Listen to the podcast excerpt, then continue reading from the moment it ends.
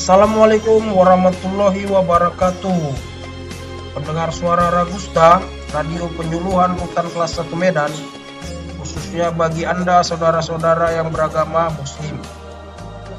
Saya David Hesianturi Bersama-sama dengan warga binaan di Blok B dan C Di rumah tahanan negara kelas 1 Medan.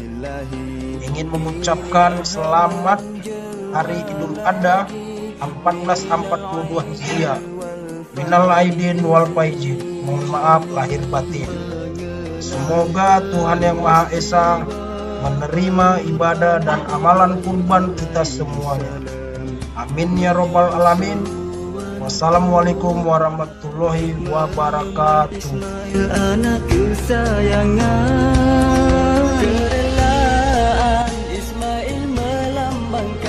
Ketaatan